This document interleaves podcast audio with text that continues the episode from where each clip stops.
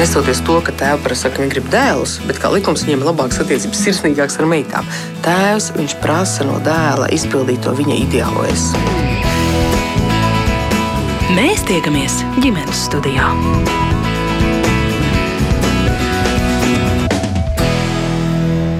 Labdien, priecājos sveicināt jūsu visus rādījumu ģimenes studiju klausītājus. Mans vārds ir Agnēs Linka un šī rādījuma producente ir Ilza Zvaigzne. Jaunietēm Latvijā pieejams nu jau vairākas izaugsmes, līderības programmas, kas mudina meitenes mērķtiecīgi formulēt savus sapņus, ieceres un idejas, kā arī piedāvā atbalstu, lai tās realizētu. Kādas iespējas šajās programmās tiek piedāvātas un kāpēc svarīgi tādas veidot tieši meitenēm? Kādi ir topošo līderu sapņi un kādu resursu vai prasmju viņām visvairāk pietrūkst, lai jaunas sievietes Latvijā sasniegtu savas potenciāla virsotnes. Par to sarunu šodien Latvijas radioviens ģimenes studijā un sarunas dalībnieces būs Sijā Makītē, izpildirektora programmas Bītita autora Jana Trapāna. Labdien! Sveiki! Telefoniski ar mums šobrīd kopā arī arhitektu biroja HDV līdzdibinātāja dizainera profesora Latvijas Mākslas akadēmijas dizaina nodaļā un arī programmas Bītit mentora Ingūna Ellere. Labdien! Labdien! Tikai jāpiebilst, ka es esmu dizaina biroja HDV. Jā. jā, labi, paldies par precizējumu. Un pēcāk mums pievienosies vēl vairākas eh, sarunas dalībnieces. Un mēs kā Alers ceram, ka arī jūs klausītāji būsiet ar mums šajā diskusijā. Ja jums rodas kas sakāms, kādi komentāri, gaidīsim jūsu viedokļus. Sūtiet eh, ziņas ģimenes studijai, kā vienmēr no Latvijas radio mājaslapas. Es vērsīšos vispirms ar jautājumu pie Janas, kāpēc šāda iecerē, šāda ierosme veidot meiteņu līdzi līderības programmu Beatit. Tā ir jūsu ideja personīgi. Jā, jā, jā noteikti. Iedvesmojos no tā, ka biju mācību studiju braucienā uz Singapūru. Un saņēmu milzīgu atbalstu. Es pati mācos Executive MBA programmā Stockholm School of Economics. Mums bija modulis, kas notika Āzijā. Un uh, starp pasniedzējiem, lektoriem bija dažas sievietes, kuras bija no TikTok vai Amazonas tādiem milzīgiem uzņēmumiem. Un viņas ārkārtīgi uzsvēra to, ka viņas ir gatavas palīdzēt sievietēm IT nozarē. Uh, mūsu grupā es biju no IT nozares. Viņas pašas pie manis pienāca un prasīja, kā mēs tev varam palīdzēt. Mēs zinām, cik grūti ir izsisties sievietei IT nozarē. Es biju ļoti apmulsusi, kad man uzrunā cilvēki. Mēs viņu veltījām laiku, stundas un ārkārtīgi uzsvēra to, ka ir jāatpadod viens otram roku, kad uh, kopā ir vieglāk, un viņi zina, cik tas ir sarežģīti. Es biju tā, domāju, nu jā, ir sarežģīti, bet tāpat jau ir vīriešiem. Bet noteikti tas man nosēdājis, atgriežoties. Sapratu, ka es arī gribu padot roku, un noteikti, kad ir jau ko dot, jo sākumā likās, nu, jā, es visu kaut ko daru, bet ko tad es tādu? Sapratu, ka noteikti ir ko dot, un tieši meitenēm pašai ir trīs bērni, divas meitas, un viņas noteikti ir arī uzskata, nu jā, brālis tur matemātiku, un ko tad mēs, nu mēs arī tur kaut gan visi mācās gimnājās, gudri bērni, bet tāpat tas brālis tika izvirzīts, ka nu, jā, nu, viņam, viņš jau tur mums ir superstarrs. Tad es domāju, ka es gribu, lai arī manas meitas uzskata, ka viņas ir zvaigznes, ka viņas var, grib. Un tad ir ko izveidoja programmu jaunietēm no 16 līdz 21 gadu vecām, kur katrai tiek atrasts mentors atbilstoši viņas mērķim, viņas vēlmēm. Vēlmes ir tas, viņa, viņa mums iesūtīja video un motivācijas vēstuli, no tā mēs savienojām ar mentoriem. Un, no pieteikumiem izvēlējāmies 17 meitenes, kuras ir programmā septiņu nedēļu garumā, strādā kopā ar mentoriem uz to, lai piepildītu savu sapni un sasniegtu savu mērķi. Bet daudzām šis sapnis un mērķis ir pārvirzījies citādākā plāksnē, bet viņas iet uz kaut ko, un viņam ir atbalsts šis cilvēks no malas. Papildus ir uh, trīs lekciju kursi par pašizaugsmi, par projektu pārvaldību un par mārketingu un reklāmu bija tādi bloki. Mm -hmm. Tā tad 17 meitenes, 7 nedēļas, mentores arī 17. Uh, 16, man ir divas meitenes. un atlasījāt dalībnieces tieši pēc tā, kas bija šajos video un motivācijas vēstulēs. Jā. Kas tur bija? Par ko sapņo jaunas meitenes mūsdienu Latvijā? Es teiktu, ka mazliet piezemēti gaidījām, ka būs uh, tādi plašāki, ka uzdrošinās sapņot vairāk, drosmīgāk. Bet uh, bija, kad gribēju kļūt par dizaineru, vēlējos kļūt par arhitekti, vēlējos kļūt par uh, ezotērisko blogu rakstītāju, vēlējos uh, sasniegt, saprast un sasniegt jurista kvalifikāciju un jurista karjeru veidot, bet pa, grib palīdzību izprast, kā to darīt un kā, kas vispār ir jurists. Tādi tie mērķi, protams, ir plaši, un kad par viņām parunā, tad uh, viņi ir daudz dziļāki. Noteikti tas pārsteigums bija, ka daudzām meitenēm ļoti patika pašizaugsmes lekciju kurs. Viņas teica, ka tas ir tas, kas viņas interesē. Mūsdienu jaunatne ir ārkārtīgi dziļa un ārkārtīgi daudz zina par to, kur, manuprāt, mēs nenovērtējam, cik, cik ļoti viņiem interesē šī pašattīstība un pašizaugsme. Un, uh, man, es, kad liku kopā šo lekciju kursu, man liekas, iespējams, ir pārāk sarežģīti viņām.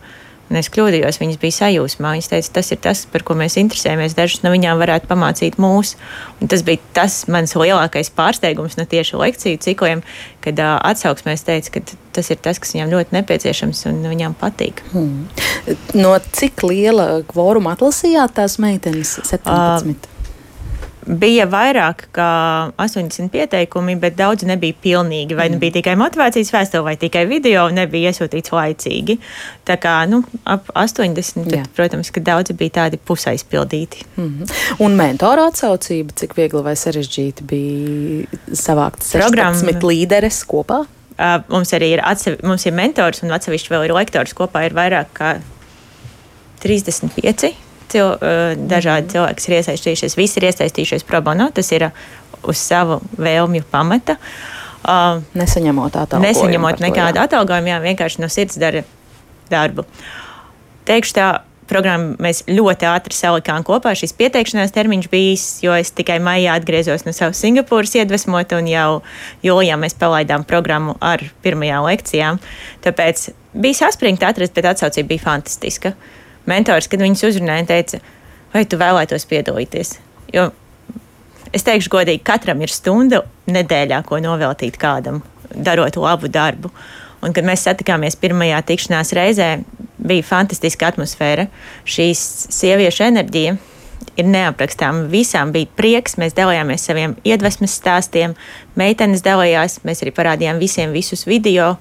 Un, tā atmosfēra bija tik jauka, ka beidzoties pasākumam, ne mentores, ne meitenes nevis skrēja prom, kā ir parasti pēc trīs stundu gara pasākuma, bet vienkārši turpināja čalot. Tas laikam bija tāds milzīga man tāds atvieglojums, ka kaut ko mēs esam izdarījuši ļoti pareizi, jo ir ļoti patīkami būt kopā. Un tas arī tas mērķis, kad mēs padodam viens otram roku. Un tas nav tikai iespējams uz šīm septiņām nedēļām, bet tas ir turpmākie kontakti, kas ir izveidoti šo nedēļu mm -hmm. laikā. Un tā atmosfēra, to, kad mēs to kultūru veidojot, kad nu, ir jāpalīdz viens otram. Mm -hmm.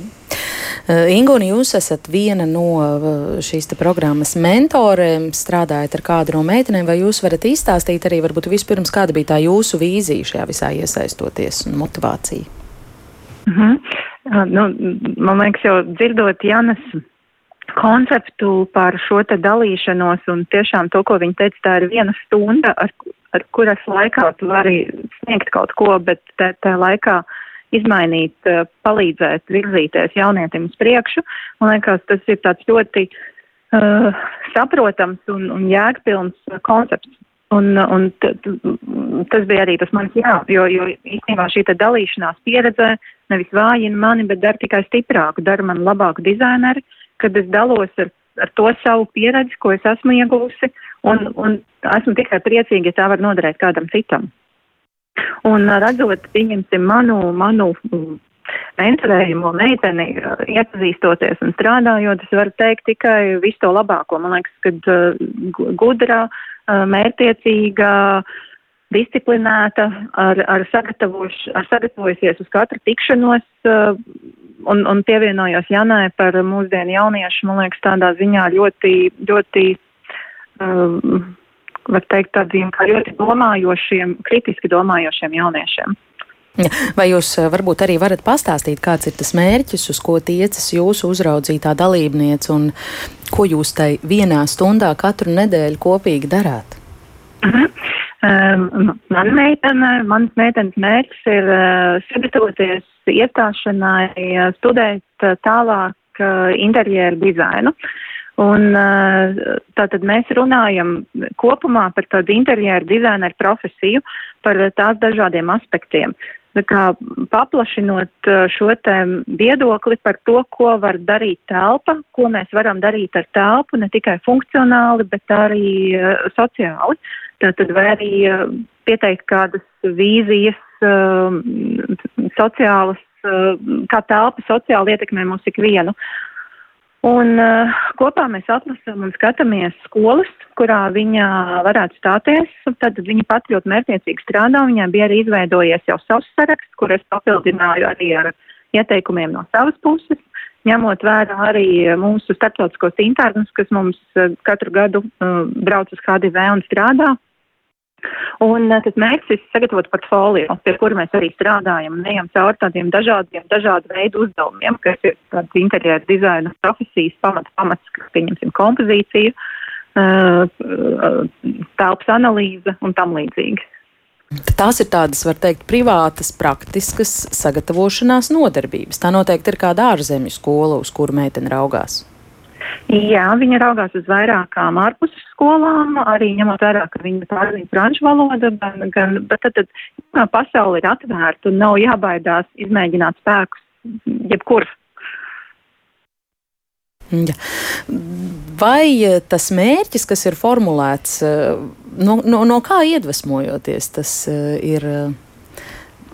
Nu, noteikts, nosprausts. Kāds ir jūsu priekšstats, cik liela ietekme tur ir, eh, es nezinu, tur Instagram pasaulē vai kaut kam tādam, vai tas ir pavisam uh, reāli? Jo Jānis jau sākumā mhm. teica, mm -hmm. mērķi ļoti piezemēti. Kā, kā, kā jūs to vērtējat? Nu, man liekas, kā tu transformē šo mērķi, jo vienkārši mērķis veidojot telpas dizainu konkrētai, patīkamai telpai, var transformēties uz mērķi veidot telpu, kura ietekmē daudz cilvēku dzīves, liek domāt, jo telpas ietekme ir milzīga uz cilvēku, sākot jau no tā, kādās telpās mēs uzaugam, kādās publiskās telpās mēs uh, pavadām laiku, pieņemsim, bērnu dārzu interjeru, skolas interjeru, šī publiskās uh, telpas interjeru nozīme. Un tur izglītots uh, interjeru dizainers var izdarīt ļoti daudz sabiedrībai. Tātad tā ietekme ir milzīga. Un Un tas ir tas, kā, kā, kā, man, kā mēs skatāmies dažādus piemērus. Es arī dalos ar, ar savām lekcijām, ko, ko es pasniedzu Mākslas akadēmijas interjeru studentiem, tā kā iedodot tādus dažādus ieskatus, kā var ar telpu eksperimentēt. Paldies, Ingūna. Jā, nu vai ir kas piebilstams pie Ingūnas teiktā vēl? Nē, bija ārkārtīgi patīkami klausīties, jo mums katra mēs neesam mentoris kā mentors, mēs esam savas nozares speciālists. Tāpēc uh, ir ārkārtīgi tā silti un patīkami dzirdēt, ka arī Ingonai tāds azarts var dzirdēt, ka ir azarts to tai meitenei dot pēc iespējas vairāk to informāciju, un, un tā ir ļoti patīkama sajūta. Mhm. Kas vēl ir tās mentores, kas ir iesaistījušās jūsu piedāvātajā projektā līdzās uh, Ingonai? Dziedātāja Marina Umova ir uh, meitenei, kur vēlēs būt dziedātāja, ir uh, arhitekta Būla priekšmeitenes, kur vēlēs būt arhitekte, Sandra Kukula, meitenei, kur vēlēs izprast vediskās, vediskie bogi un tāda um, Kristīna Beitika. Um, Daudz, 16 mentors. Un katra ir tieši tā, kā mums bija pat vairāk mentoru sākumā, citas sarunātas, bet tad, kad atlasījām pieteikumu, sapratām, ka nē, nu, vajag atkal citas mentors meklēt. Tas bija tāds interesants process, jo ļoti gribējās trāpīt, lai mentori būtu pēc būtības un profesijas atbilstu. Un noskatoties video, un dažs mentors nav man personīgi pazīstams, vienkārši likās, oh, ir redzēts, izskatās, ka varētu būt sadarība. Un, uh, izskatās, ka tas arī ir veicies, jo meitenes vismaz saka, ka viņas ir ārkārtīgi apmierinātas tieši savām mentorēm. Mm -hmm. Pie kā jūs strādājat ar savām dalībniecēm? Uh, man ir divas meitenes. Uh, Mums arī ir no Sosbērnu ciemata meitenes, kuras ārpus kārtas tika pieņemtas programmā. Uh, un, uh, mēs strādājam pie tā, ka viņas, ir, viņas vēlēs veidot juridisko karjeru. Viena tikai stāties juristos, un otra jau ir otrā kursa studente. Un, attiecīgi, ko tad var darīt? Es esmu pati pēc izglītības juriste. Attiecīgi, tad es arī paņēmu viņas pie sevis programmā. Meitenes ir no Valmieras un Talsiem. Kā ļoti koncentrējamies uz reģionu un uh, vienkārši dažādus aspektus par to, ko var darīt jurists. Un uh, centošos parādīt dažādas jomas, ne tikai no savas perspektīvas, bet arī no citu perspektīvas. Un, uh, kad uh, jurists profesija tas nav tikai tiesas zāle, tas ir ļoti dažādi. Mm tas, tas, ko mēs darām. Mēs arī mēģinām ar vienu meiteni soli pa solim, kā mēs nokļūstam līdz tam, kādas būtu izvēles grozs um, skolā jāņem, kas tagad ir jāpiemācās, jānomaina skola. Tā kā burtiski šobrīd mācās eksāmeniem, lai stātos citā skolā. Tā ir tādi mazie solīši, bet patiesībā, ja mēs gribam kaut ko sasniegt, ir jāsāk tieši ar maziem solīšiem. No otrā meitenē mēs bakalaura darba tēmu skatāmies cauri, kas būtu interesanti, kas noderētu viņas nākotnes profesijas izvēlei. Es teiktu, ļoti praktiski. Jā. Kādā stadijā šobrīd ir projekts? Jūs teicāt, jūlijā sākāt. Jā, un, un augusta beigas ir beigas. 30. augustā mums ir BTT izlaidums. Jā. Izlaiduma pasākums, kur arī tiks noteikti uzvarētāji, jo uzvarētāji saņems 1000 uh, eiro naudas balvu savu projektu realizācijai. Mm. Un kā to uzvarētāju jūs noteiksiet pēc kāda principa? Mm, mēs vērtēsim viņas raksta dienas grāmatu un refleksiju. Refleksija tās ir pārdomas, kā viņa jūtās un kā cilvēks mainās.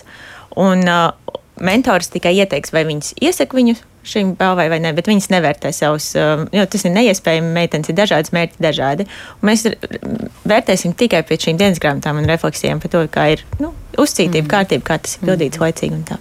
Mm. Vai uzvarēs tas, kurš skaistāk prot izteikties? Mm. Es ceru, ka nē.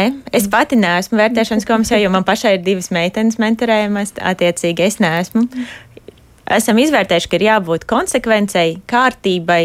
Un, ja mentori, visas, mentor, kuru mentors būs viņas izvirzījuši, ka viņi ir pelnījuši šo balvu, tās vērtēs tās, kurām mentors būs pateikuši, nē, mēs pat neiedziļināsim, kas kādēļ, nē, tad nē. Ingūna, jūs jau zinat, virzīsiet savu dalībnieku apbalvojumu. Noteikti. Noteikti nav, protams, protams, jo nu, tiešām tā mērķtiecība un disciplinātība tas jau ir viens no tādām profesionālitātes pazīmēm un ļoti labi, ka tas izpaužās jau ļoti agri, nu tā kā skaidri zinot savu mērķi un, un punktuāli ejot uz to. Jā.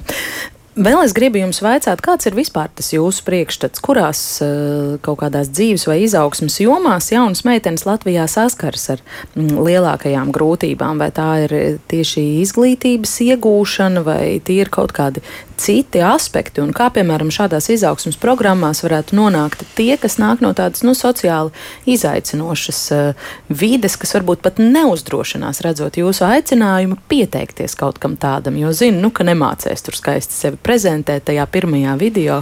Kaut gan līdera dotības un tāds mentora atbalsts varbūt būtu vajadzīgāks kā, kā, kā citiem, kā tiem, kuri jau jūtas kaut cik pašpārliecināti. Viennozīmīgi ļoti, ļoti gribējām, lai mums ir reģionu meitenes. Mēs nevērtējām, mums no Rīgas pieteikumi ir izteikti labāki. Jāsaka, godīgi, ir tieši tā.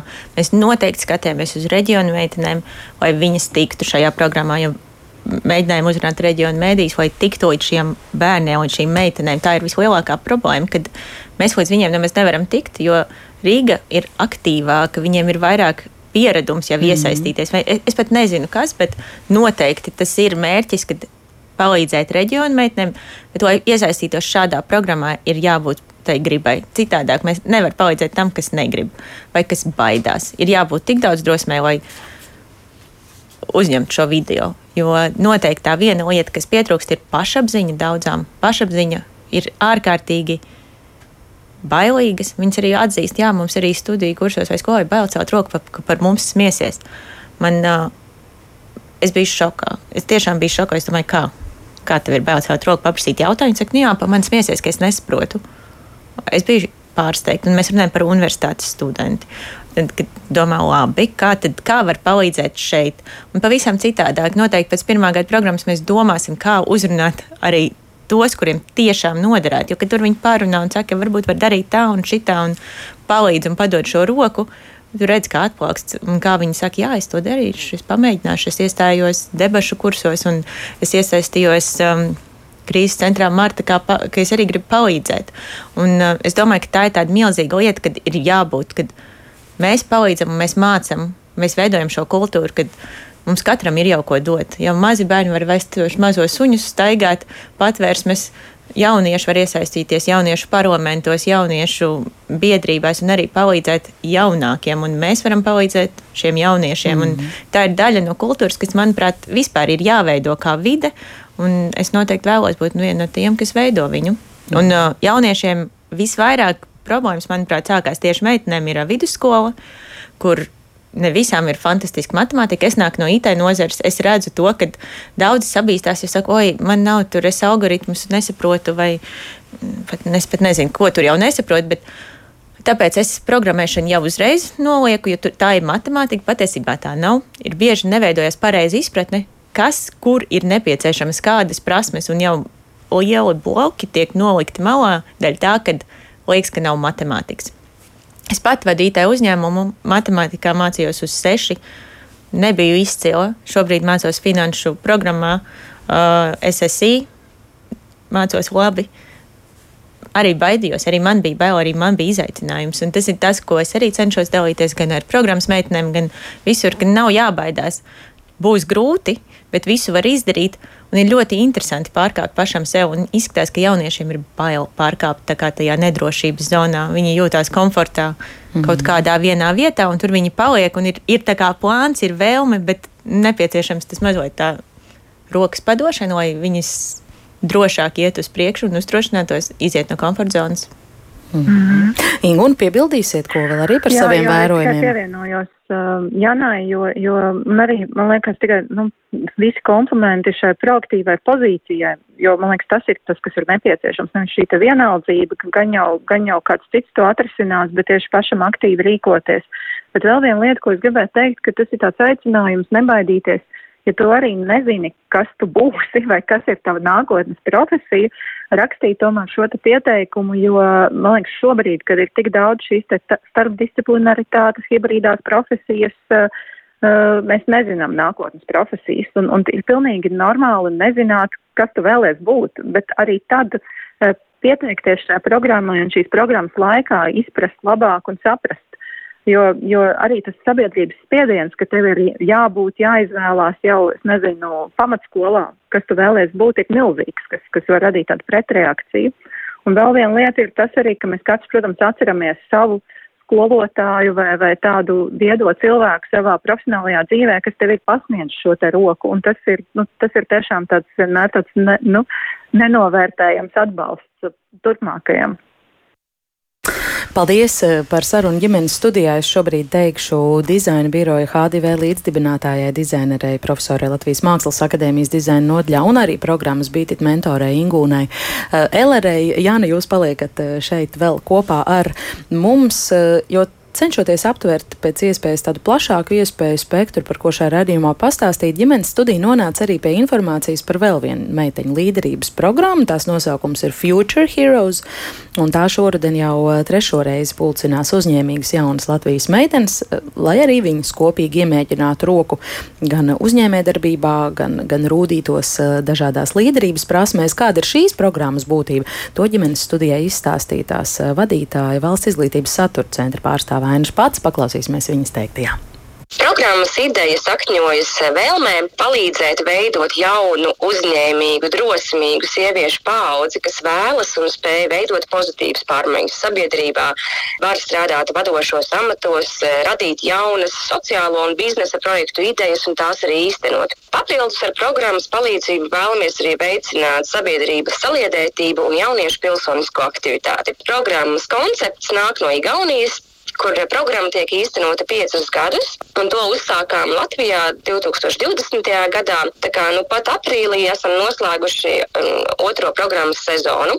Šogad arī Lietuva ir pievienojusies Future Heroes kopienai, tā kā nu, jau varam runāt par Baltijas mēroga meiteņu līderības uh, iniciatīvu. Programmā mēs uzņemam 50 eh, jaunietis eh, vecumā no 14 līdz 17 no dažādiem Latvijas reģioniem. Eh, uzņemšana ir pēc atlases principa, tātad pēc šiem pieteikumiem. Dalība programmā ir bez maksas. Dalībnieces pirmo reizi tiekās oktobrī, un visa programma ir 6 mēneši līdz martam. Šajā laikā meitenes piedalās astoņās tematiskās darbnīcās, ko piedāvā programmas partneri. E, tās vada e, jomu eksperti par piemēram tādām tēmām kā līderība un problēmu risināšana, tehnoloģijas un uzņēmējdarbība, digitālā komunikācija un mēdī pratība, ilgtspēja un sociālā uzņēmējdarbība un citas. Un, e, darbnīcas nav, nav tikai teorētiskas, viņas ir diezgan praktiskas ar praktiskiem uzņēm, uz, uzdevumiem, kur meitenes mēģina izprast savas prasmes un tās, kā tās pielietot uzņēmējdarbībā un dzīvē. Programma norit angļu valodā, lai reizē ar līderībai nepieciešamo iemaņu apguvi būtu iespēja arī pilnveidot komunikācijas prasmes svešvalodā. Jāsaka, ka ir abas šīs Future Heroes sezonas Covid-19 pandēmijas dēļ notika gandrīz pilnībā tieši saistē. Tas tā nebija plānots. Plānot bija, ka visas šīs darbnīcas ir klātienē, un tad arī komanda darbs noteikti būtu bijis savādāks. Tikai pašās programmas beigās bija iespēja satikties jau uz apbalvošanas ceremoniju vai uz projekta aizstāvēšanu un apbalvošanu kā šogad. Tātad, kas notiek vēl? Lai liktu lietā šajās darbnīcās apgūtās zināšanas, meitenes tiek sadalītas komandās jau pašā programmas sākumā. Katrai komandai ir mentors, kura vadībā tad meitenes e, īsteno savas sociālās un uzņēmējdarbības e, tātad, idejas no projekta. Tātad e, idejas līdz praktiski īstenotam projektam. Un ar šiem projektiem meitenes meklē risinājumus sev un pasaulē aktuālām problēmām. Kā piemēru es gribētu varbūt minēt dažus tādus spilgtākos projektus, ko meitenes ir īstenojušas komandās. Tātad pagājušajā gadā tas bija Food Pickup Point, jeb kopienu leduskapji. Meitenes ar mērķi īstenoja, lai mazinātu nevajadzīgās pārtikas izmešanu. E, Latvijā tika izvietoti, ja nemaldos, pieci leduskapji publiskā vietā, kur cilvēki varēja izvietot sev lieko nevajadzīgo pārpalikušo pārtiku, kas savukārt kādam e, bija ļoti nepieciešams, tādēļ cilvēki varēja iet un to paņemt. E, vairākas komandas mēs redzējām, ka interesējās un grib risināt pusauģu garīgās veselības problēmas un veidoja dažādas sarunu un komunikāciju platformas. Šī gada komanda, kas uzvarēja. Mums tas arī ir konkurss. Šis projekts Baltic Without Plastic, ja Baltijas jūra bez plasmasas, e, veicina informētību par Baltijas jūras piesārņojumu tieši jauniešu un sabiedrības vidū vieglā valodā stāstot par šo tēmu. Varbūt vēl tāds aktuāls Covid laika projekts Branch Out, kas e, veicināja fizisko aktivitāti. E, komanda izveidoja kontūru staigāšanas izaicinājumu, tādu sēriju, kur sociālajos tīklos aicināja sabiedrību doties pastaigāties, izstaigāt dažādas kontūras, un par to varēja saņemt balvas no komandas piesaistītajiem sponsoriem. Varbūt pēdējais, ko es gribētu pieminēt, ir pagājušā gada zelta balvas ieguvēji, jeb projekts Tiec dzirdēts. Meitenes vēlējās veicināt izpratni par vājdzirdīgo un nedzirdīgo cilvēku ikdienu, informēt uzņēmējus, lai veicinātu viņu izpratni un palīdzētu iekļaut darba tirgu vājdzirdīgos un nedzirdīgos vērtīgos cilvēkus. Jā, es vēl gribēju pieminēt par programmas absolventēm. Šogad mēs uzņēmām e, programmā arī desmit brīvprātīgās absolventes no pirmā gada. Viņas mums ir lielās māsas, kas e, tātad iesaistās šogad jau pavisam citā kapacitātē. Viņas ir tādas kā mūsu labās rokas, e, gan programmas saturiskajā veidošanā, gan organizatoriskajos aspektos. Un katrai no šīm absolventēm, jeb lielajām māsām, ir arī viena komanda, ko viņas pieskata, palīdz nedaudz ar jautājumiem, kas varbūt rodās procesā. Mums ir arī šis eh, izaugsmes aspekts, ka ir meitenes, kas turpina darboties Future Heroes, un arī šajā trešajā sezonā, kas mums tuvojās, būs meitenes no pirmā gada, kas turpinās jau tātad trešo gadu mums, ar mums kopā tātad, veidot šo Future Heroes kopienu. Vai jums ir arī kāds vērtējums vai vērojumi par to, kas ir šodienas jaunietēm lielākās grūtības un izaicinājumi? Kas ir tas, pēc kā viņām ir jānāk uz šo programmu, kā viņām eh, trūkst mm -hmm. prasmes vai, mhm. vai resursi vai kāds atbalsts? Jā, viennozīmīgi šādi novērojumi mums ir. Viens no lielākajiem izaicinājumiem nereti ir šī neticība sev un saviem spēkiem. Eh, arī tām drošajām, it kā meitenēm, piemēram, esmu dzirdējusi no meitenēm, ka bieži vien viņas saka, ka es pieteicos un es vispār necerēju, ka es kaut kā varētu tikt uzņemta šajā programmā tas man ir liels pārsteigums. Nu jā, mēs redzam, ka tas ir varbūt tāds neliels pozitīvs grūdienis, tā uzslava, iedrošinājums, kas ir nepieciešams, kas nāk no, teiksim, no mentora vai no viņu komandas, varbūt no prasmju darbnīcu vadītājiem, kas pasaka, o, lieliska doma, super, kā tu to pateici. Un pašām redzēt, ka man sanāk un ka manam darbam ir novērtējums un kad es varu e, sniegt sabiedrībai kādu vajadzīgu, varbūt projektu un sasniegt kādu rezultātu. E, šī atziņa un tas, ka viņas to piedzīvo programmas laikā, tas tiešām dara brīnumus. Un, e, nu, jā, mēs redzam, ka nav viegli sastrādāties un rast kopīgu valodu ar nepazīstamiem cilvēkiem, nepazīstamām meitenēm, jo tieši tā viņas e, darbojas programmā, tiek ieliktas komandā ar, ar svešām meitenēm no visas Latvijas, dažādā vecumā, turklāt tieši saistē. Tas nav viegli, bet tieši tāpat jau arī notiek dzīvē, kad ienāca jaunā darba kolektīvā. Un tagad meitenēm ir šāda pieredze. Redzam, ka problēmas ir arī ar laika plānošanu un savas slodzes izvērtēšanu un sabalansēšanu. E, nereti meitenes viegli aizmirst par kādu tikšanos, kas mums ir paredzēta vai plānota, kādu mazo sanāksmi, var pakavēt. Nav varbūt šī atbildība vēl, bet arī šīs ir prasmes, kas tiek attīstītas procesā un, protams, ka dzīvē ikvienai noderēs. Eh, redzam, ka mūsdienu jaunā paudze ļoti daudz, kā mēs zinām, komunicē sociālajos tīklos un platformās, eh, bet tad, kad tajā brīdī, kad ir jāpaņem rokās telefons un ir jāpiezvana, tas nav vairs tik vienkārši. Ļoti, ļoti, ļoti grūti kaut kā jaunai paudzei ņemt un zvanīt, piemēram, nepazīstamiem pieaugušiem, kādam sponsoram vai atbalstītājiem uzrunāt un, un veidot šo sarunu. Bet arī redzam, ka pirmo reizi tas tiek izdarīts, un nākamā reize jau ir vieglāka. Arī varbūt jebkuram darbam komandā pie projekta radīšanas ir nepieciešams apjaust pašai savas stiprās puses, lomu sadalījums un pienākumi. Šeit arī rodās aizķeršanās, jo ne visi, kā jau teicu, apzinās to savu līderes potenciālu vai apzinās, ka esmu lieliska komunikātore.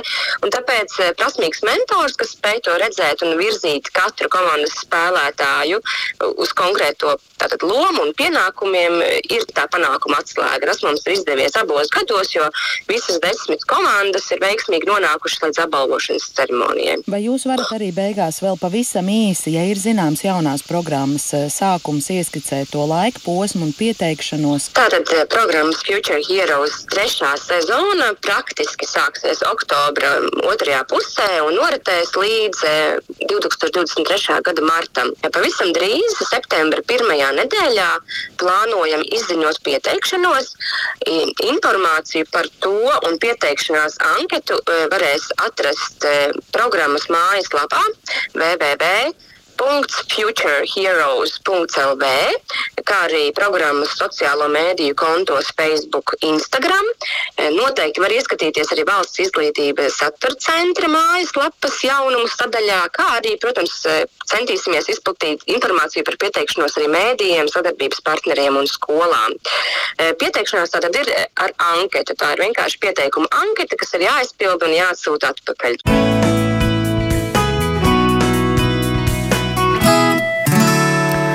Tālāk programmas Future Heroes vadītāja Aina Špatsa, un es atgādināšu, ka ģimenes studijā mēs šodien runājam eh, par meiteņu izaugsmas un līderības programmām latviešu, Latvijas jaunajām sievietēm, un eh, man saruna biedrene šeit studijā joprojām ir eh, programmas Bīta it autora Jana Trapāne, mm, bet mums šobrīd telefoniski pievienojas vēl kāda sarunas dalībniece Elīna Miķelsona, ir zinātņu doktora, inovāciju un ideju vadības lektore un konsultante konsultante, Ideja Inovācija institūta vadītāja, kas šobrīd uzturas Kembridžā, kur arī dzen strādā cits starp ar jauniešiem. Labdien, Elīna, un paldies, ka atradāt laiku sarunai arī ar ģimenes studiju. Labdien, paldies, ka uzaicinājāt. Tas ir interesants, nozīmīgs temats. Jā, vai jums ir kas piebilstams ainas stāstītajiem un ainas teiktajiem, jo jūs esat viena no mm -hmm. programmas Future eh, Heroes eh, mentorēm?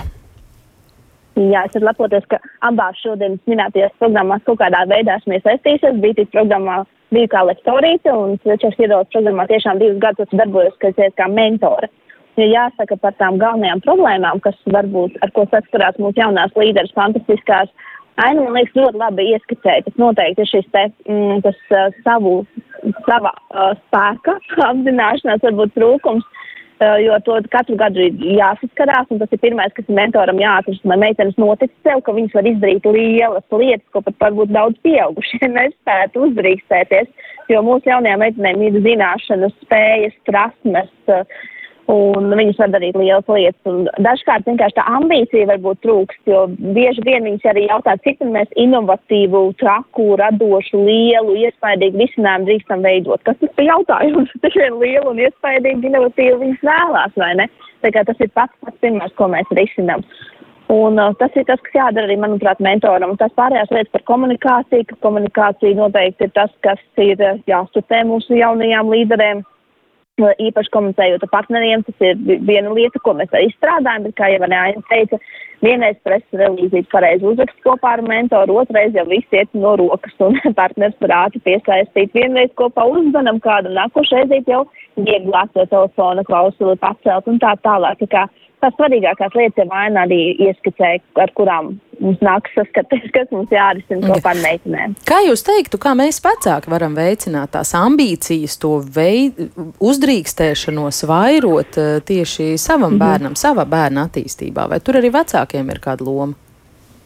Vecākiem noteikti ir liela loma. Mēs pilnīgi arī varam redzēt, ka tajās, man ir bijušas dažādas komandas, jās bijušas dažādas situācijas, var redzēt, ka ir dažas ģimenes, kur pilnīgi sajūt, ka tas ir visu ģimeņu koprojekts, kur mammas, tēti, krustmātes, krustāvi iesaistās un palīdz. Un tu redzi, cik īsumā bērni ir spārnot, ka viņi redz, ka viņu ģimenes tuvākie cilvēki notic un ka viņi vēlāk var parādīt, ka viņi var aiziet kopā tur pie kāda liela uzņēmuma un to visu parādīt un tos labos vārdus, ka visa ģimene dzird par šo jaunieti. Tas var redzēt, ka viņš, nu, tā tiešām spārno. Un arī bijuši gadījumi, arī, ko mēs ar citām mentorēm esam pārunājuši, ka ir pat gadījumi, kad vecāki neatbalsta savus bērnus šādos situācijās. Un tad ir ļoti, ļoti grūti, ka mentoram vēl jādarbojas uz tādu dubultu slodzi, lai tam bērnam teiktu, tu vari, tu dari, izdarīsi, un tad jau tev arī noticēs tava ģimene. Jo, diemžēl, arī tādi gadījumi, tā kā ģimenei ļoti, ļoti liela nozīme.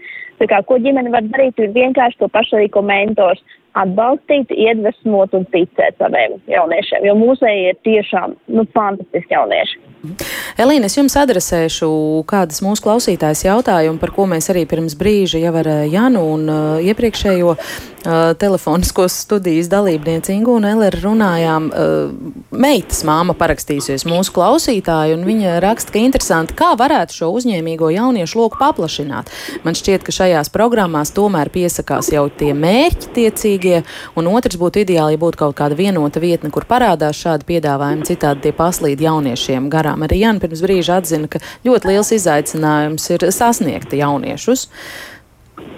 Mhm. Nu, jā, pil, pilnīgi piekrītu, ka vajadzētu būt kaut kādai vienotai, eh, vienotai vietnē, kur var uzzināt par šīm lieliskajām iespējām attīstīt to savu līderību un iesaistīties eh, šajās aktivitātēs, jo, kad uzzini, tajos var tikai iesaistīties. Ja tu nezini, tu nevari iesaistīties. Nu, jā, un piesakās tie mērķtiecīgie tie, kas un jau ir mērķiecīgi, tie piesakās arī jā, līderības jā, jā. programmām. Viņi arī pieteiksies, protams, arī darbojas diezgan daudz dažādos projektos, un, piemēram, ja Latvijas mērogā, tad jau pamana vienas tās pašas sejas, daudz kā tu viņas ir visur.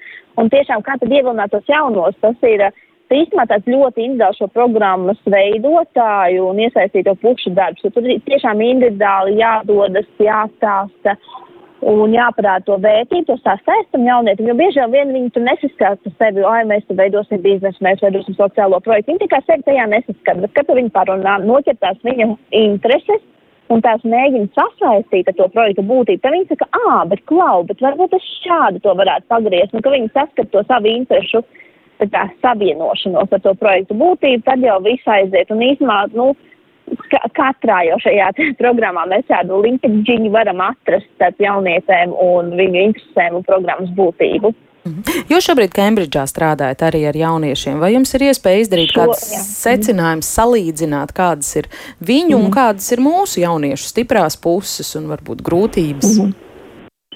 Šobrīd vēl nav sākusies aktīvā mentorings. Aktīvais mentorings sāksies tikai pirmdien. tā kā pēc pirmdienas varam sazināties, lai varētu kādu adekvātu, objektīvu salīdzinājumu veikt. Bet tā kā ir citos projektos šī starptautiskā pieredze ar ļoti daudz, vismaz pasaules jauniešiem dažādiem strādāt diezgan daudz, tad jāsaka, mūsējie nav ne pamatu sliktāk.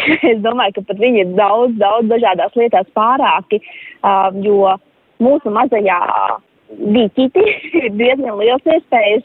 Um, nu, tādas iespējas izmantot, ko tādās lielākās valstīs pat uh, diezgan liela konkurence jāiztur. Līdz ar to par tiem mūsu mērķtiecīgiem jauniešiem, par kuriem mēs runājām. Viņi dažkārt ir savos 16, 18 gados izmēģinājuši tik daudz dažādu lietu, piedalījušies tik daudz dažo, dažādos projektos, ka viņi aizbrauc un uh, tapjām pacenši ar kaut kādiem ārvalstu kolēģiem, nezinu, no Austrālijas, Amerikas, Vācijas un citādām lielākām vietām.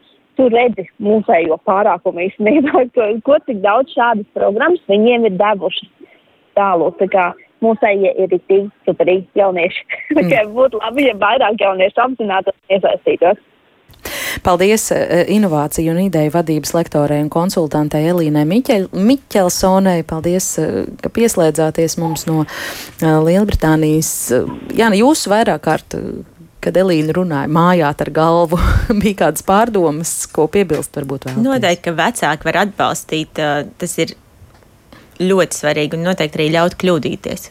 Manuprāt, tāda mums nevajag vienmēr sargāt tos bērnus. Tās kļūdas mēs visi mācāmies no kļūdām un ļaut bērniem kļūdīties. Nu, jūs zinat, ka nav pareizi. Jūs varat pateikt, bet ļaut viņam pieļaut tās kļūdas. Tas, manuprāt, vislabāk māca. Un mēs arī redzam, tad arī es mentorējumiem saku, nu, manuprāt, nē, bet pamēģini. Nu, ir septiņas nedēļas. Pat ja mēs kādu laiku zaudēsim ar to, ka tu mēģināsi tā, nu, tas caur sevi, kad mēs dodam iespējas un atbalstam kļūdās, nu nevis pēc tam, ah, nu redz, kā es teicu, bet vienkārši labi. Mm. Tad varbūt pamēģināsim citu veidu. Es domāju, tas ir tas, ko vecāki var noteikti darīt. Un viss, ko Elīna teica, pilnīgi piekrīt, tas atbalsts ir ārkārtīgi svarīgs. Un tas, ka mēs esam viņu galvenie līdzjūtēji, mēs esam mūsu bērnu galvenie līdzjūtēji. Pat tad, kad mēs nesaprotam, ko viņi dara, un mēs, kāpēc, un kāpēc, un kāpēc, un kā mēs tāpat varam viņu būt viņu atbalsts, bet ļaut viņiem kļūdīties pašiem. Mēs nevaram viņus nosargāt no visas tās kļūdas, jau māca. Mm -hmm. Es minu, ka jūs šo teicāt, protams, arī kā mamma. Jā, visbeidzot, ģimenes studija tik tiešām vēlējās aprunāties arī ar pašām jaunajām sievietēm, par kurām mēs šodien diskutējam, tik karsti rēdījumā. 18-gadīgās Patrīcija Masaļska no Varakļāniem un Ella Purvēna no Rīgas ir divas meitenes, kas programmā Future Heroes piedalījās un projektu konkursā, kā minēja Aina Špaca, uzvarēja pirms diviem gadiem. Savukārt Karina Krauza, kurai pašlaik ir 16, nāk no Mārupes un pārstāv pagājušā gada Future Heroes uzvarētāju komandu un ģimenes studija arī viņām visām visām trim vaicāja, kāda bija motivācija programmā iesaistīties, kas tad ir paveikts un kādas ir atziņas pēc programmas sekmīgas pabeigšanas. Klausīsimies tagad meiteņu teiktajā. Pēdējā augusta nedēļā man atnāca e-pasts no skolotājas, tāds piesakās, tev šito vajag. Es izlasīju par projektu. Es sākumā vispār nesapratu, kas tas ir. Bet tad es izdomāju, varbūt ir jāmēģina. Un tā es pierakstīju pieteikumu anketu. Nemaz necerot, vai es te tikšu vai netikšu. Tas bija tāds šāviens tumsā, bet uh, reki tiku tas pieteikšanās pats process bija, man liekas, ka tā anketa, ah, nu kas tur aizpildīšu viens un divi, bet patiesībā tie jautājumi bija tādi, ka es sapratu, ah, šitais neies tik viegli krastā cauri. Jau tad es sapratu, tas būs ļoti ilgs darbs ar sevi un cik daudz es spēšu no sevis izspiest. Tiku iekšā, sākās pats projekts, un tad arī tas aizsākās tas darbs ar sevi, kā tu vari iejusties komandā, Tev ir jāsaprot, eh, cik daudz tu vari dot citiem, cik daudz tu vari paņemt no sevis. Šī laika plānošana, apvienošana ar skolu, un uh, ik pēc divām nedēļām notika šīs nodarbības, uh, Zoom mītingos, un uh, tu uzsūdz to jauno informāciju, tev viņai jāapstrādā, tev ir no tās jāņem, papildus tu pildi mājas darbus, un uh, jā, nu, tā tu arī attīsti to projektu. Jā. Man vispār arī ļoti līdzīgs tāds patīcija. Es pieteicos programmai, jo man skolotāja atsūtīja e-pasē linku. Un viņa teica, ka man vajadzētu pamēģināt pieteikties, jo viņai šķiet, ka esmu tāda aktīva klasē un ka man varētu patikt.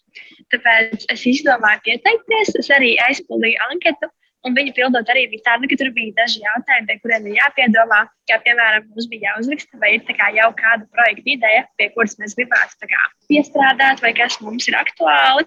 Un tad tur bija tā, ka es biju domāju, bet tad beigās uzrakstīju, pieteicos, un tad, godīgi sakot, es galīgi aizmirsu par šo visu. Pēc tam šeit nu, divām nedēļām varbūt atnāca e-pastā, ka kā, es esmu tikusi iekšā, un bija tāds, wow, ok, un ko tagad iesākt. Un tad es atceros, ka sākumā vēl bija paredzēts, ka viss būs klātienē, bet tad sākās Covid. Un tad viss notika attālināti. Un tad arī pirms paša pirmā zūmu mītīņa man bija stress, jo es nezināju, kas tā, ko mēs vispār darīsim un kā šis viss strādās. Un tad atceros, kā uz pašu pirmo zūmu mītīņu es vajag sapucēju, es tur uztaisīju matas un izdinu visus ārā no mājas, jo vajadzēs klusumu, lai viss izskatās kārtīgi. Un tad arī bija šis pirmais zūmu mītīņš, kur uh, Mēs bijām kopā 50 meitenes. Katrs iepazinās, sarunājās. Bija ļoti interesanti. Un tad mums salika random istabiņās piecām meitenēm, kuras arī iepazinos ar savu komandu, kur mums bija jāsāk domāt. Sākumā tas viss bija Nu, tā kā tiešām tā ļoti liela nesaprašana par to, kas notiek un kas kā jādara. Es atceros, kā man vēl uzkārās dators, un tad, kad mums bija kā, jāraksta sev aktuāls problēmas, pie kurām mēs gribētu strādāt, es vispār nevarēju neko uzrakstīt, un es nesapratu, kas notiek. Visi kaut ko baigi raksta un kaut ko domā, un man nebija nejausmas, kas jādara. Bet nu, tad beigās arī mūsu komanda nonāca pie kaut kā, kaut kā tā arī tas viss aizsākās. Kas bija tā jūsu projekta ideja, ko jūs veidojāt? Mūsu projekta idejā grozījās apkārt cilvēkiem ar dzirdes traucējumiem, bet specifiski mēs veidojām video kursus tendēti uzņēmējiem. Mums komandā Daniela, viņa dzīvo kvartālā, kur atrodas Latvijas nedzirdīgo biedrība. Un viņai ikdienā diezgan bieži sanāca saskaties ar šiem cilvēkiem, un viņa saprata, ka ikdienas steigā, lai vai kā tu vēlēsi viņiem palīdzēt, tu nespēji. Pat tik viegli lieta, kā piemēram pasūtīt kafiju, viņiem ir jālūdz palīdzība citiem novērojam, ka Latvijā joprojām pastāv stigma apkārt cilvēkiem ar dzirdes traucējumiem, un tie netiek pilnvērtīgi iekļauti mūsu sabiedrībā. Un tad mēs vēlējāmies izveidot ko tādu, kas nevien informētu sabiedrību par uh, šiem cilvēkiem, bet arī veicinātu apziņu un uh, iekļaut viņus mūsu vidē. Tā kā to galveno mērķu auditoriju mēs paņēmām uzņēmējus ar šiem video kursiem, uh, lai veicinātu pieejamas vidas veidošanu Latvijā un būtu šiem cilvēkiem ar dzirdes traucējumiem iespēja darīt lietas, kas mums liekas pavisam pašsaprotamas. Jo tas nav noslēpums, ka liela daļa uzņēmēju uh, nespēja apkalpot cilvēkus ar šiem traucējumiem. Un mēs vēlējāmies, vēlējāmies šo te izmainīt. Un, uh, jā, tā mēs veidojām šos kursus, kurš sastāv no četrām daļām. Un uh, viņus tagad piedāvājam uzņēmējiem, lai viņi varētu mainīt uh, veidu, kā viņi sevi pasniedz. Un tas nevien piemēram paplašināt viņu klientu loku, bet padarīt viņus pieejamākus. Uh, kas uh, Latvijai būtu ļoti liels pluss. Kopā runājot par komandu, sākām mēs, protams, ar to, ka sākumā nu, bija tāds mazliet klusums starp mums, jo mēs, zinām, tikko iegrūstas iekšā komandā, vienotru nepazinām, un tagad kaut kas jādara un jātaisa baigais plāns, tāpēc bija nu, liels stress, tā varētu teikt. Bet sākām mēs mierīgi ar sociālajiem medijiem, un tad mēs sapratām, ka nu, ir jādara kaut kas vairāk. Tad mēs kopā ar mentoru un meitenēm grupā izlēmām, ka mēs uh, paliksim pie šī video kursa, kur mēs varētu turpināt raizīt apziņu, stāstīt, kā jau Patricija minēja, tieši uzņēmējiem. Bet, lai neaizmirstu arī par jauniešiem, mēs veidojām Zoom mītingus. Nu, sākumā mēs sākām ar mūsu skolām, un pēc tam arī tālāk. Un tad šajos Zoom mītingos mēs stāstījām arī par stereotipu par nedzirdīgajiem cilvēkiem, kā vispār dzirdes traucējumi iedalās, jo ir dažādi veidi. Un stāstījām arī par nedzirdīgo cilvēku kultūru un to, kā viņiem ir pieņemts, viņiem pašiem ir sava kultūra, viņiem pašiem ir savas tradīcijas. Un tad mēs izmantojām šo Zoom platformu, lai pastāstītu mūsu vecumu drīzāk jauniešiem, lai viņi arī ir teikt, izglītoti un lai viņi šo zinātu. Un tad mēs izdomājām, ka vajadzētu arī nedaudz kaut ko tādu interaktīvāku, kas būtu interesanti. Un mēs uztaisījām, tā varētu teikt, galda spēli. Un šī spēle ir fokusēta uz to, ka ir vairākas skatiņas, kur ir pieņemti mīti un patiesība un fakti par nedzirdīgo cilvēku kultūru. Un tad tev ir jālasa, un tev ir jāsaka, kā tas šķiet, vai tā ir patiesība vai nē, un kāpēc. Un tad otra daļa spēlē ir tāda, ka ir latviešu valodā tas uh, alfabēts, kas ir uh, zīmju valodas alfabēts ar visiem simboliņiem, un tad ir burti. Un tev tā kā tie burti jāmēģina parādīt. Bija ļoti grūti viņu taisīt, bija jāgriež visas mazās skatiņas ārā un viņas jālaminē. Bet man šķiet, ka beigās tā bija brīnišķīga pieredze, ka mēs tiešām sapratām, kā, kā tas ir grūti strādāt, lai kaut ko sasniegtu. Un beigās man šķiet, ka nu, šis viss tā kā tā Future Heroes projekts kopā man šķiet ir tik noderīgs meitenēm, jo tu saproti to kā tas ir tiekties pēc mērķiem, līdervadība, sastrādāties komandā, un tiešām tu nevari neko nedarīt un paļauties uz citiem, jo katram ir jāieliek savs darbs, jo katram komandā ir tas, kas tev ir jādara. Un es esmu ļoti pateicīga, ka es pieteicos un piedalījos, jo viss šī pieredze iegūtā, nu vienkārši es nevaru pat vārdos aprakstīt, cik noderīgi tas ir. Tad eh, Karīnai es arī gribu dot eh, vārdu, kāda ir tava pieredze Kāpēc tu iesaistījies Future Heroes programmā un kas varbūt eh, kopīgs vai atšķirīgs tavā stāstā ir salīdzinot ar kolēģu teikto? Es iestājos programmā, jo mana mamma atrada Facebookā um, postu, kurā bija izstāstīts viss par šo programmu un bija piedāvājums jaunām meitenēm pieteikties. Tad šoreiz tā nebija skolotāja, bet mana mamma.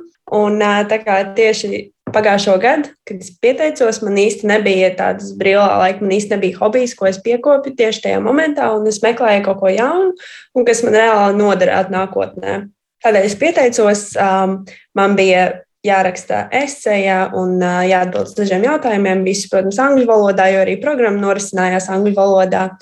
Sākumā man likās, ka galīgi nebūs, netikšu noteikti, jo man likās, ka ir nenormāli grūti tikt iekšā. Es pieteicos septembrī, nāk oktobrī, kaut kad vidū es saņēmu vēstuli, ka es esmu uzņemta. Es atceros, ka es biju ļoti laimīga, un uh, es nevarēju sagaidīt, kad beidzot varēs sākties visa darbība. Un, uh, mums bija plānots, ka mums viss notiks klātienē, bet tieši dienu pirms vai divas dienas pirms sākās tieši viss, uh, visa karantīna un uh, viss visu nācās taisīt zūmā. Sākumā man arī bija neliels šoks, jo es nesapratu īsti, kas notiek. Kad es iestājos, man vajadzēja izvēlēties uh, divus no 17 ANO ilgspējības mērķiem, kas tieši man ir tuvākie sirdī. Un es biju izvēlējusies klimata pārmaiņas un dzīvi ūdenī.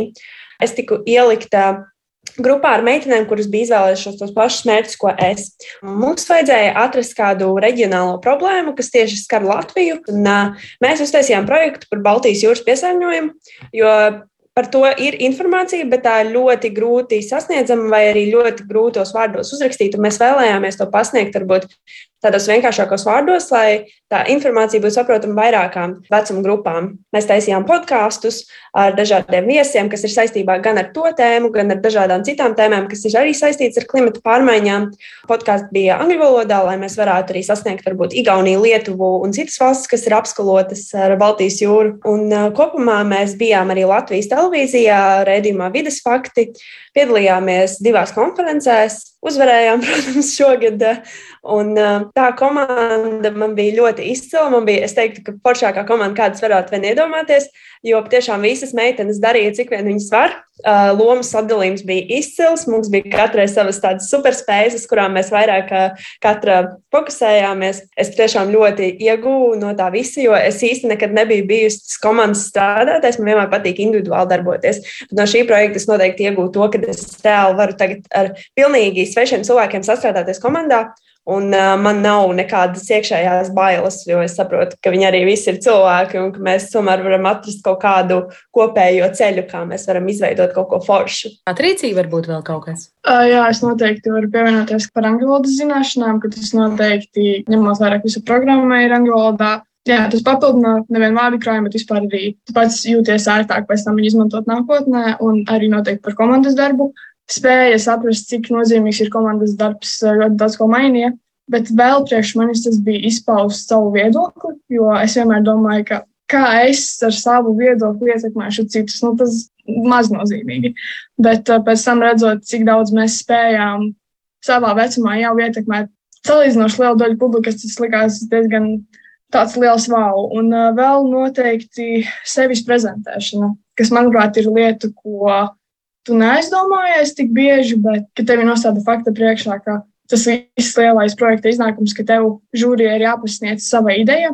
Tu varētu teikt, ka tu sevi paskaties no citas skatu punktos, kuru tu līdz tam nedarīji to. Un tāpēc šis sevis pasniegšana un darbs ar sevi visu šo sešu mēnešu garumā ir tik liels piedzīvojums. Nevar to tā īsti aprakstīt. Jā, jā tālāk paldies arī Patricijai, Ellai un Karīnai par dalīšanos pieredzē. Ar to arī izskan šīs dienas raidījums par eh, izaugsmas programmām jaunām sievietēm.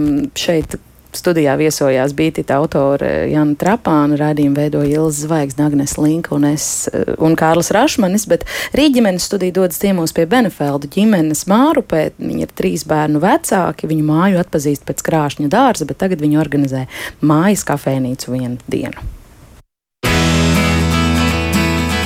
Ģimenes studija